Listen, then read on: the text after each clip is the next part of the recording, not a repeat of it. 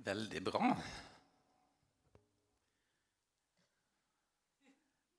Jeg har vært litt nervøs i dag. Men det går fint. Ja. Det, det blir veldig bra. Jeg kjente for deg òg. Thomas sendte en melding og spurte hva jeg skulle prate om. Og da skulle jeg snakke om hjelperen, om Den hellige ånd, tenkte jeg. Eh, og så um, var jeg litt nervøs.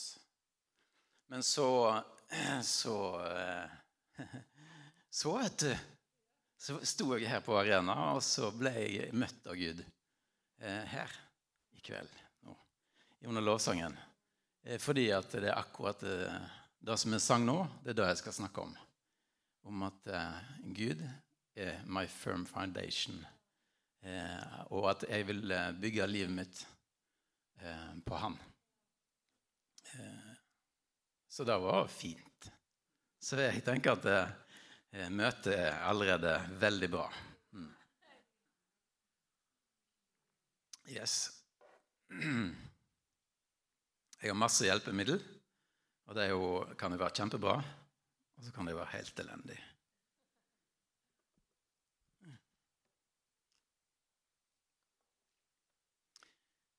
Så vet ikke jeg om jeg tør å gå inn på det engang, for jeg liksom, ja, vet aldri hvor enda ender hen. Men jeg må begynne en plass.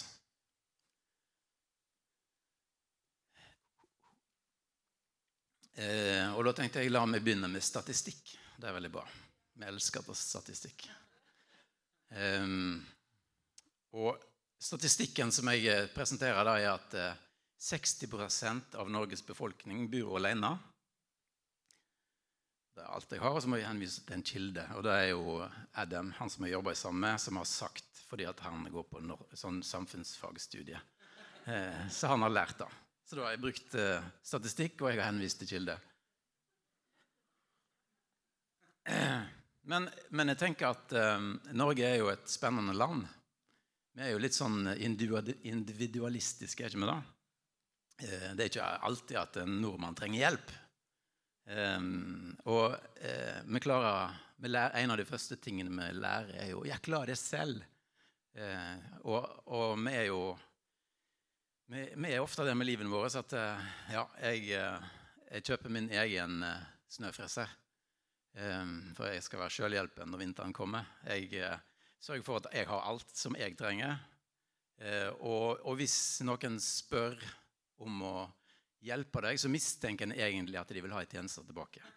Um, så Derfor er det tryggest å bare, nei, bare ikke være til bry, eller la oss klare oss sjøl. Uh, og jeg, nok, jeg, er nok uh, sånn, sånn, sånn fundamental så er jeg nok litt sånn typisk norsk. uh, jeg vil gjerne klare sjøl. Jeg har aldri vært så flink til å spørre om hjelp. Og jeg bare gjør istedenfor. Uh, men det er, jo, det er, jo, ting som jeg har lært. Nå er jeg snart 50 år, og jeg har snart lært å spørre om hjelp. At det er ok å spørre om hjelp. Eh, og det er fint. Det er veldig fint. Men jeg gikk og henta vannet mitt sjøl, da. Ja. For Sist gang jeg fikk vann, så var det litt lunka. Så derfor så ville jeg ha kaldt vann. Eh, men det er jo typisk norsk, da. Det var en, en, tysk som kom til Norge, og så han lagde en sang. Det, var, det er lov å spørre om hjelp. Det er lov å si 'jeg har ikke peiling'. Det er lov å be en liten bønn til Gud. Du trenger ikke være en aleining. Eh, og det er litt sånn Vi trenger ikke være alene. Vi har eh, folk rundt oss. Vi har en menighet. Vi har eh, mange som kan gå sammen med oss, mange som kan hjelpe oss med forskjellige ting. Så vi trenger ikke gå sånn og surre alene. Jeg, jeg, tenker, jeg har et sånt kroneksempel på Eller et, et, eksempel jeg tenker tilbake på der jeg liksom jeg burde tatt imot hjelp. Men jeg var liksom jeg, var, jeg, vet ikke hvorfor jeg ikke, spør, hvorfor ikke jeg tok imot hjelp. Men kanskje det var fordi jeg var redd for å vise at jeg ikke kunne det jeg skulle gjøre. eh, vi hadde kjøpt oss hus. Hilde Marie og meg kjøpte oss et hus vet du, og ringte til Ingrid Fitjabanchen og skulle kjøpe hus. Og ja, hvor mye trenger dere, da? Nei, vi trenger en million. Ja, men en million, nei, det skal gå bra. Ja, så da fikk vi hjelp til å kjøpe et hus.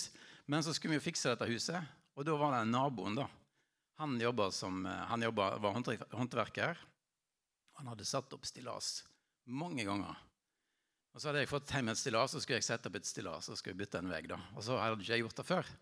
Jeg gjorde mange ting som jeg ikke hadde gjort før. Eh, og så eh, sa han ja, skal jeg hjelpe deg med det stillaset? Det er jo kjapt gjort å chippe opp da, liksom. Nei, så bare fant jeg på sånn masse sånne greier. Nei, altså, Jeg var liksom ikke helt klar. Ville, liksom, masse sånn. ville ha kontroll på situasjonen sjøl. Liksom, det må ikke gå for fort heller. Og, liksom, og da takker jeg nei til det. Og det var liksom eh, Etterpå så har han aldri spurt om, eh, om jeg trenger noe hjelp.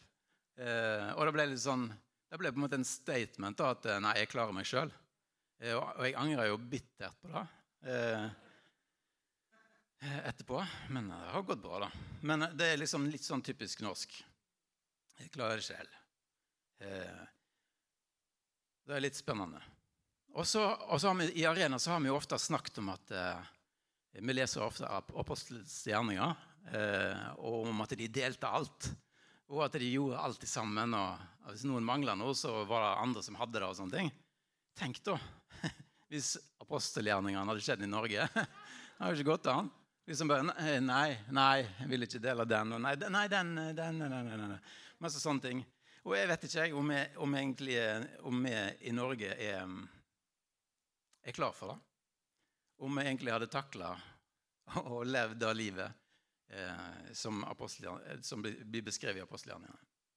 Det er en spennende tanke. Eh, men eh, mange ting er, er sagt allerede, og mer skal sies. Eh, vi, vi, levde jo et, eh, et liv eh, i fulltidstjeneste. og det var et spennende liv. et liv er jo Dette er på en måte et liv. Et, mitt liv. på, på utsida lever livet mitt. Møter Jesus. Firm foundation, liksom. Dette er fundamentet for uh, livet. Talerstolen. Fundamentet. Masse. Det, det, henger jo sammen med alt i hele verden her. Men jeg levde kanskje litt sånn her. Fikk møte Jesus. Fikk uh, fundament i livet mitt. Og begynte å leve et liv der jeg lærte å gå i sammen med Jesus. Uh, lærte å stole på han. Mange situasjoner der en trengte Guds hjelp. Opplevde veldig ofte at Gud grep inn. Gang etter gang. Guds trufasthet bare viste seg igjen og igjen i livene våre. Um, og jeg opplevde at eh, ja, Gud er til å stole på. Uh, mens andre ganger så ble en jo i tvil. Når en så at Gud ikke var til, eller en tenkte at Gud ikke var til å stole på, så begynte en liksom å gå sånn ut på kanten her. Og så begynte en nesten å gå tilbake igjen i det, i det gamle igjen, liksom. Men vi vet jo hvor det er best å være. Det er jo her på fundamentet, eller og står på fundamentet med livet sitt. I, i Bibelen Deilig med kaldt vann. Der står det om eh, noen som møtte Jesus. Det står f.eks. om en, eh, en, tigger som var blind, som, som møtte Jesus. Og han, eh, han eh, visste at Jesus kunne gjøre noe for ham. Og Jesus spurte han høflig hva, det, hva vil du at jeg skal gjøre for deg. Hva tror du?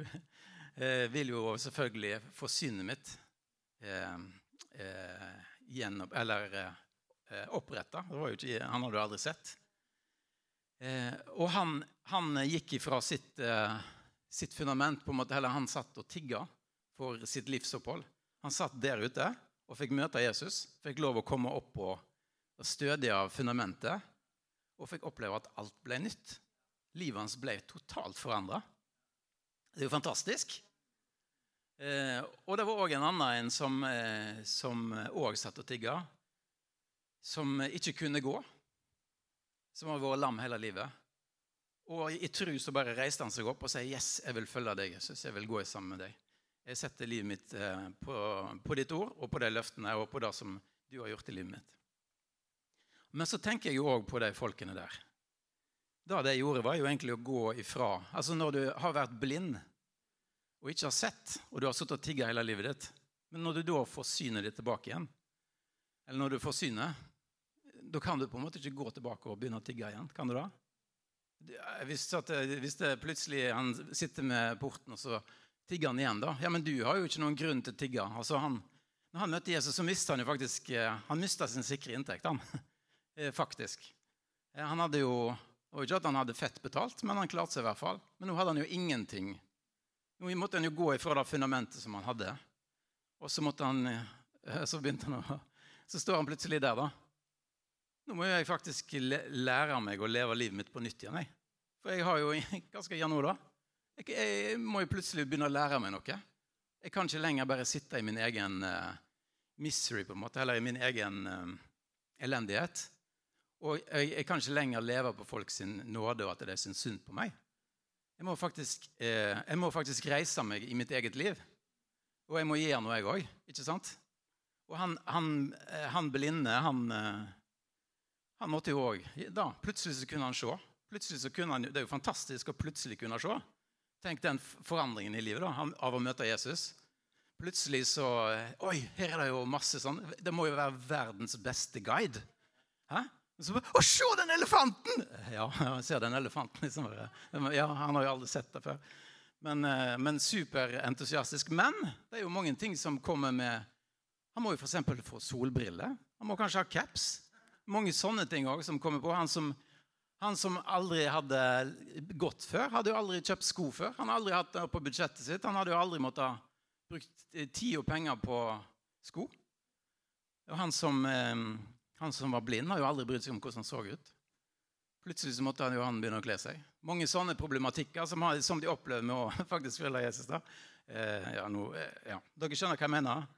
Det er ikke bare problemfritt å, å gi fra seg livet sitt. Ikke sant? Det er ikke uten problematikk. Og det er ikke uten problematikk med eh, på en måte sa yes, Jesus, vi går for det du har sagt. Vi ønsker å teste ut din trofasthet i vårt liv. Det er jo ikke uten problem. Det er jo sånn at det, yes, Jesus skal gjøre alle ting nye. Han, skal, han kommer til å forandre alt. Ja, men det er ikke alltid at du føler at det er fantastisk. Sant? For de to der var det ikke nødvendigvis fantastisk. Og for oss er det ikke nødvendigvis eh, fantastisk heller.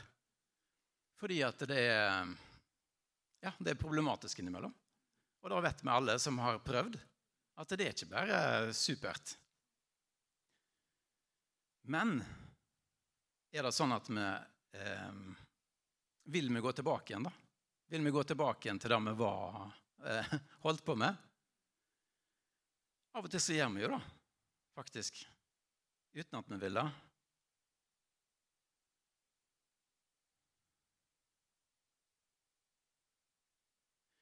Og ofte så er det sånn at um, hvis, vi, hvis, vi, har uh, Jeg tror det er mange som har vært på sånn vekkelsesmøte, eller sånn, og så har de gitt livet sitt til Jesus, og så har de vært helt sånn i ekstase. Og så dagen etterpå så er det helt fantastisk forferdelig. Da er plutselig ikke Du er, du er ikke der lenger. Altså Ai, ai, ai, hva, det, hva har jeg gjort? Eller uh, det var ikke så gøy. Og ofte når det er sånn at en har fått et løfte på noe, en er helt sikker på at det kommer til å skje, og så går en på det, og så skjer det kanskje ikke. Og så må en kanskje vente lenge på at det skal skje. Hva, hva da?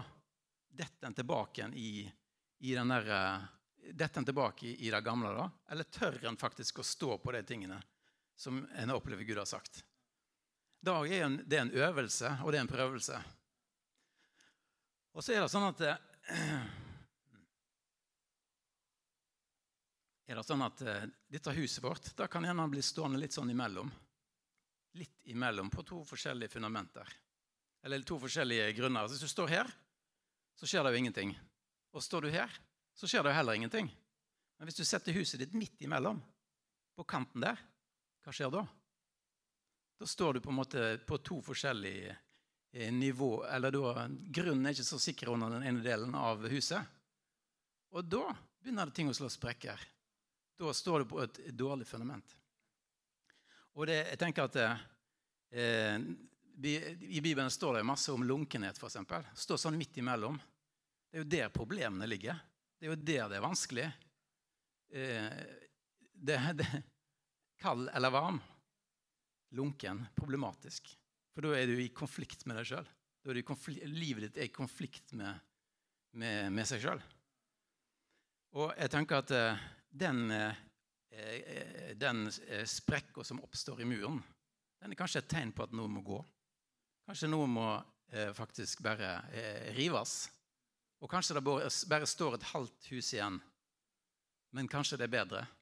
Kanskje det er bedre å bare at det som står på fundamentet, da blir stående. Og det som har dårlig fundament, det må vekk. For det går an å lappe på disse tingene, men det kommer aldri til å bli bra. Og med, eh, jeg jobba lenge i et eh, Oppe i Skien så er det, et, er det et hus, et gammelt fengsel, som står på to forskjellige fundament. Og I 1985 så knakk det i to. Det var bolter tvers igjennom, og sånt, men det knakk i, på midten. Sånn at det droppa. Så det var liksom på 21 meter så var det 1 meter fall. Altså, eh, eller ni meter på tvers så var det 1 meter fall. Så når en bygde stillas rundt det, så var det på en måte Da bare så du hvor kjempeskjevt det var. Men det er jo resultatet av to forskjellige fundamenter. da. Det, det, det er ikke bra, rett og slett. Eh.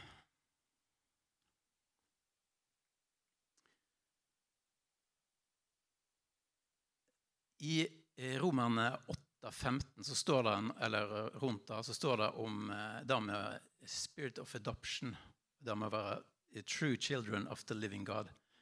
Eh, at en er, at en er blitt adoptert inn i Guds rike, og at en har satt At en blir eh, en som kan stå på fundamentet Gud.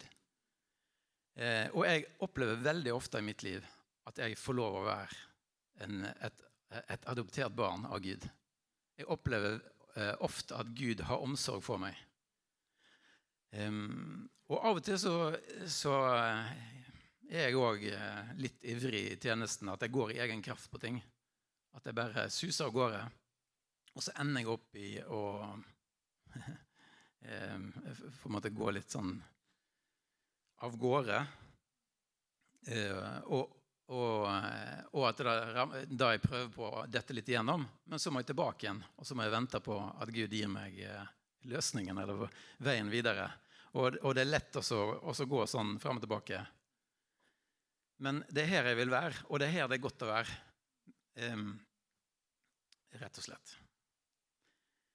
Når Jesus reiste herifra, så sa jo han at det er bedre om eh, Det er bedre at jeg sender hjelperen til dere eh, enn, at jeg, enn, at jeg, er her. eh, og han, lov, han, lover oss å sende oss Den hellige ånd.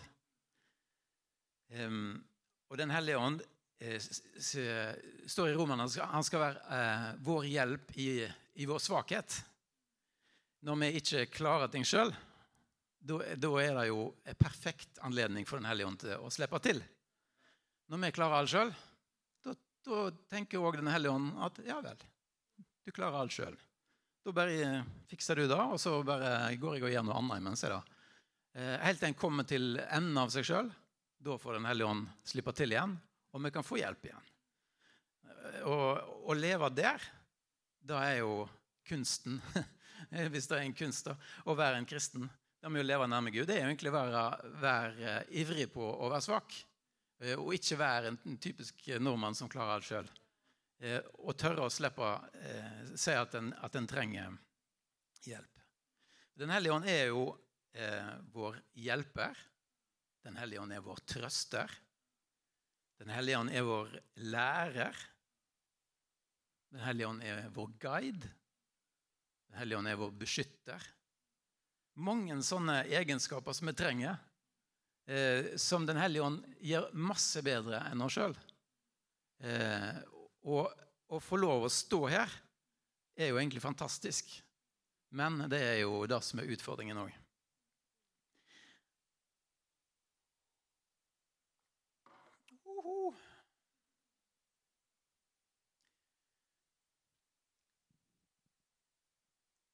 Jeg skal fortelle dere en sprø historie som jeg har fortalt en gang tidligere på Arena. Er det greit?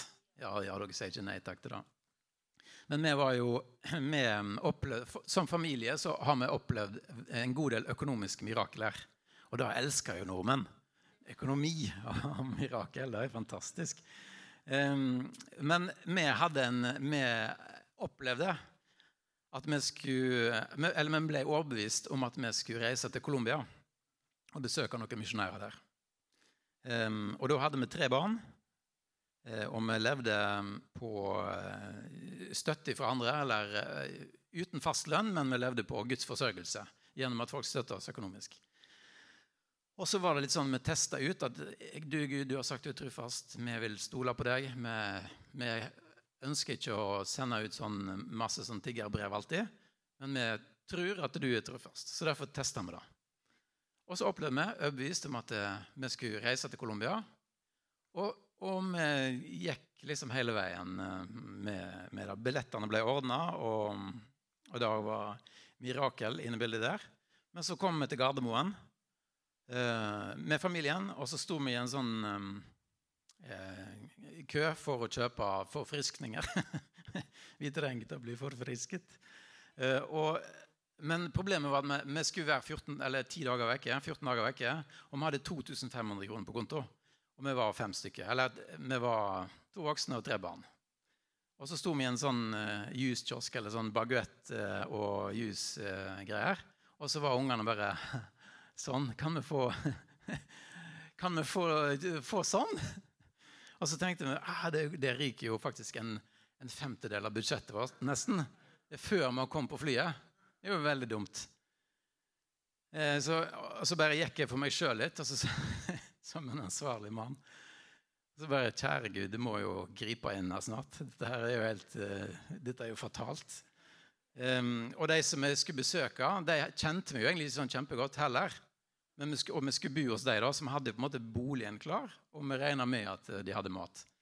Um, og de skulle hente oss på flyplassen, så egentlig så var det jo safe.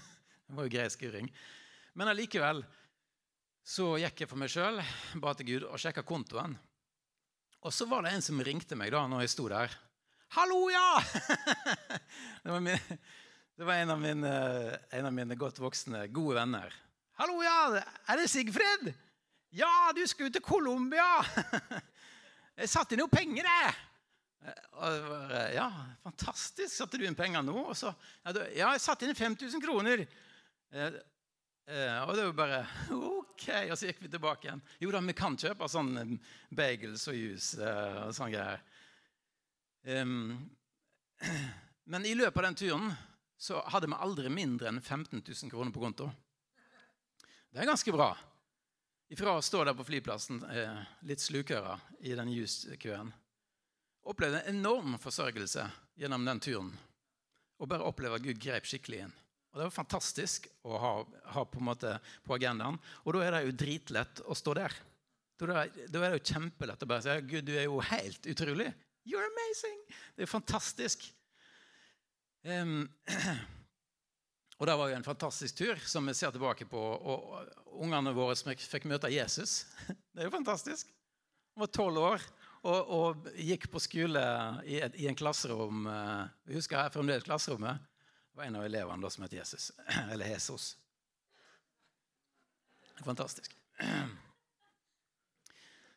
Men det er iallfall en tur som har satt spor i våre unger òg. Så vi, vi snakker jo igjen om å reise til Colombia. Og da tror jeg de tvinger seg med. Fordi at det var veldig, veldig bra. Men nå i, i, for, eh, i forrige, eller nå i, for et par uker siden så skulle vi ut og reise igjen med jeg og, jeg og fruen. Eh, og, og, og, fant ut at vi skal reise nå i høstferien. Og det er jo faktisk ganske dyre billetter. Eh, vi skulle på noe bra greier i Tyskland. Og vi mm, tenker at vi burde være med på det. Men så er det jo dette med strømprisene. Og så er det jo dette her med den høsten som kommer, og rentene som øker. Og så er det høstferie, og den billetten er jo kjempedyr. Um, og nå sitter vi der med, med to uh, inntekter og liksom uh, Burde jo vært grei skuring i den erfaringen som vi har. Gud, det har jo vært fantastisk. Gud er jo supersolid. Men så sitter vi der så, så sitter vi faktisk og vurderer at jeg har vi råd til dette her. Og dette her er jo en tur som jeg tenker Gud har behag i. Det er ikke en heisatur til Tyskland, liksom. Det det er med en bra agenda. Og så, og så begynner vi liksom å tvile litt. Om det, kommer Gud til å forsørge. Og så er det sånn nå, nå, nå, har vi jo to inntekter, så nå, jo, nå burde vi jo klart oss sjøl. Og så var det sånn at det en person som spurte om, eh, om den kunne være med å bidra til den turen. og så bare Nei da, men vi, vi klarer oss jo sjøl, vi. Altså, vi er jo, da er vi plutselig der. Da er vi plutselig kjempenorske igjen. Etter den lange erfaringen som vi har hatt i livet vårt. Det er jo latterlig, egentlig. Så begynner vi å tvile igjen. Og så Ja, men jeg vil, jeg vil støtte dere, eh, for jeg tror dere skal på den turen. Og så sendte, sendte vedkommende inn 2000 kroner, da, og den turen den kosta kanskje 15 eh, Men allikevel så var det vi tok, vi tok imot den hjelpa fordi vi vet at vi bør ta imot hjelp. Jeg har lært det med naboen og stillasen. Eh, at en må ta imot hjelp når en får tilbud om hjelp. Og så tok vi imot den hjelpen. Og så kommer vi til reisa nå på torsdag. kommer vi til reisa uansett. Og jeg er sikker på at dere kommer til å se oss igjen. Og at vi kommer til å overleve den turen. Og at vi kommer til å se at Gud kommer til å gjøre noe på den turen som kommer til å ha betydning for vårt liv. For det er sånn Gud er. Men vi er nødt til å tørre å stå i den ubehageligheten med å tørre å sette føttene våre på firm foundation. Vi er nødt til å tørre å teste han på hans løfte. At uh, han holder det han lover. Og at det er vi som velger om vi går tilbake igjen der. Men vi velger òg om vi vil bli stående her. Så nå står vi faktisk her. Og vi, jeg tror det kommer til å løse seg. Jeg er ganske sikker. Ja. Og hvis ikke, så får dere sikkert en melding om det. Men det er ganske interessant at en faktisk, selv om en har erfart mange ting, må eh, velge. I Galaterne 4,8 står det eller jeg, jeg, leser på engelsk, og jeg håper det er greit for dere. Fordi at jeg opplever innimellom For jeg begynte å lese Bibelen på nynorsk. Um, og jeg opplevde å forstå veldig lite av Guds ord. Ingenting feil med nynorsk. Men så begynner jeg òg å lese Bibelen på norsk, vanlig norsk. Og så tenker jeg òg ja, vanskeligere kan det vel neppe sies. tenker jeg innimellom. Og så har jeg begynt å lese på engelsk. Jeg leser kun Bibelen på engelsk, faktisk. Fordi at eh, det er et rikere språk som treffer meg bedre, i hvert fall. Um, så det er jo bare et sånn uh, Finn en bibel du forstår. Men det bør jo være en som står om Gud, Jesus og Den hellige ånd. Eh, for all del. Ta kontakt med pastoren hvis dere vil teste ut om Bibelen deres er riktig. Men Galaterne 4,8.: Why do you want to go back again and become slaves once more to the weak and useless spiritual principles of this world? Godt poeng.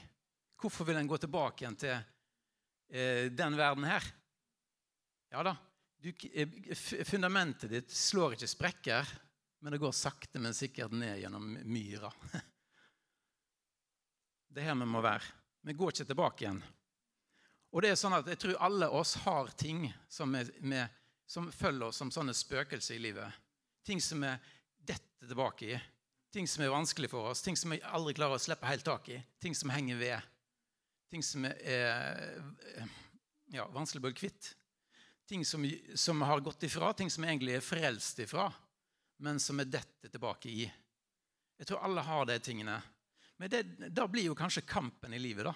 Det blir kanskje kampen i livet til å tørre å stå oppå der, og ikke bare stå sånn og vippe, men faktisk stadig vekk når en merker at det kommer snikende på, så eh, tar en tak i det.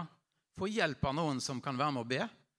Får hjelp av Eh, eller bekjenne ting som, som, eh, som, Det er jo ting som tynger.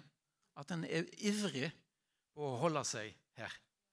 At ikke en lar det gå for langt eh, unna heller. For da er det vanskelig å gå tilbake igjen der. Det blir kampen i livet. Men det er dette her som er livet. Det er dette her som er livet. Å holde seg der.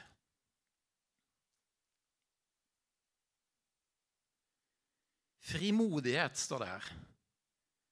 Det står, om, det står, i Bibelen om at det, den som eh, har fått masse, den skal få enda mer. Det er ikke tomt i Guds rike. Det er ikke tomt i Guds rike. Hvis, har, hvis vi har eh, blitt rikt velsigna med økonomiske mirakler, så må ikke en tenke at det er slutt. Men en må fortsatt ta imot. Og hvis en har opplevd helbredelse på noen ting i livet, så må en bli sulten på mer. For det er mer. Jeg har en vittig historie. Um, om eh, et pizzastykke. Eh, fordi at hadde, jeg hadde besøk av en gjeng. Og så satt vi og spiste pizza. Og så begynte det, så ble det bare kommet til den punktet i livet der det bare er et pizzastykke igjen. Og vi nordmenn vi vet jo hva en ikke skal gjøre. Eh, en skal jo ikke ta det siste pizzastykket, ikke sant? Um, så, så, da Så liksom uh, tok en den runden. Jeg sa, jeg sa, ikke at det var Eller jeg tok runden liksom, Er det noen som vil ha mer? Nei. Nei, jeg er mett. Jeg er, jeg er forsynt. Liksom en etter den andre. Men så var det en canadier der. Og han bare tenkte ja, jeg er jo sulten, så jeg bare tar det pizza, jeg tar det pizzastykket. Så spiste han det. og bare han liksom Alle tenkte bare sånn Han tok det siste pizzastykket! Men, men da ikke alle visste, var jo at det var mer pizza på gang. Ikke sant? Så det var jo bare sånn falsk alarm. Så da henta jeg jo den nye pizzaen. Og alle de som sa at de var mett, de, de Så vi kjørte en runde til, og det siste ble jo liggende igjen en gang til. Det er jo litt vittig, ikke sant? Men det er fordi en, en antok at det var tomt. En antok at dette var siste pizzastykke. Og så var det en frekkas som tok det siste. Eh, mangel på kulturforståelse eller hva som helst. Men, men, det er jo noe med det. Vi skal være ivrige på å ta imot velsignelsene som Gud har å gi. Og vi skal ikke stå og, og dvele ved det. Vi skal ikke, nei, Det er sikkert noen andre som trenger helbredelse mer enn meg. Det er sikkert noen andre som har det verre enn meg. Gud ønsker jo at vi skal leve et liv i frihet. Gud ønsker at vi skal leve, leve nærme Ham og være, være ivrig på å, å, å søke ham. Eh, og vi må ikke tenke på at det er slutt på noen som helst måte. Den som har fått masse, han skal få masse mer. Og så er det også sånn at Vi må sette våre prioriteringer på, på de tingene som, eh, som eh, er viktige for Gud.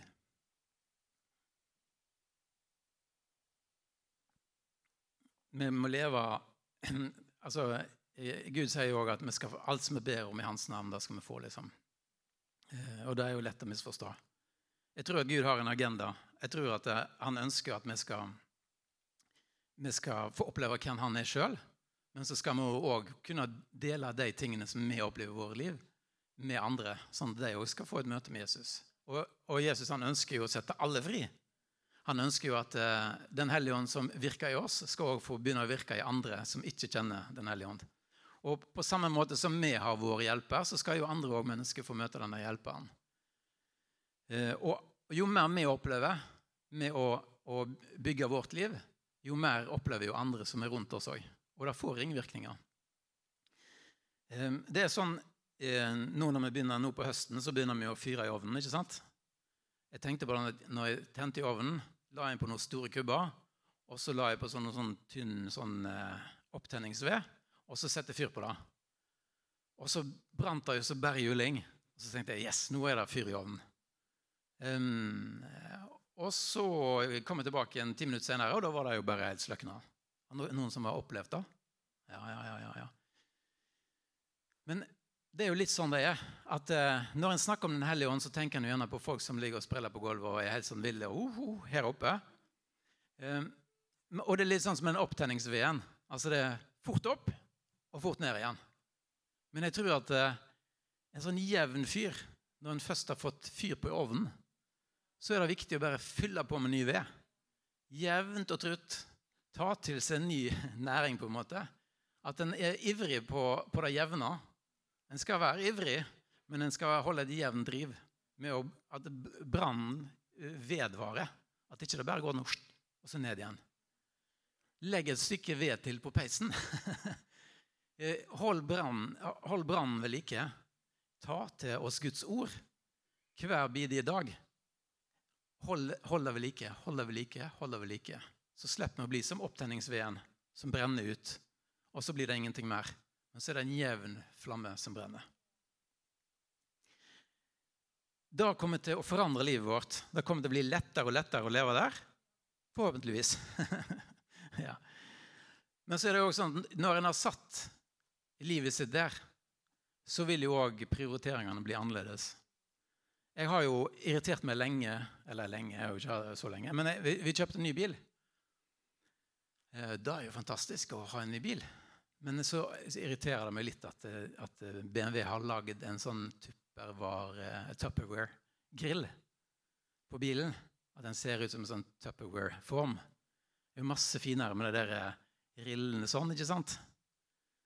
Så jeg tenker at jeg vil jo, hvis jeg får 3000 kroner en dag til overs, så vil jo jeg da um, gi det til en misjonær i arena, eh, sånn at han kan fortelle andre om Jesus. Jeg vil jo selvfølgelig ikke kjøpe den grillen til BMW-en. Hvem hvem vil da? ikke sant? For når en, når en setter prioriteringene sine i, i riktig, så tenker en òg annerledes. Jeg tenker at De 3000 kronene som jeg kunne brukt på en grill på BMW-en min, de får heller bedre bein å gå på hvis en sender dem til Nepal.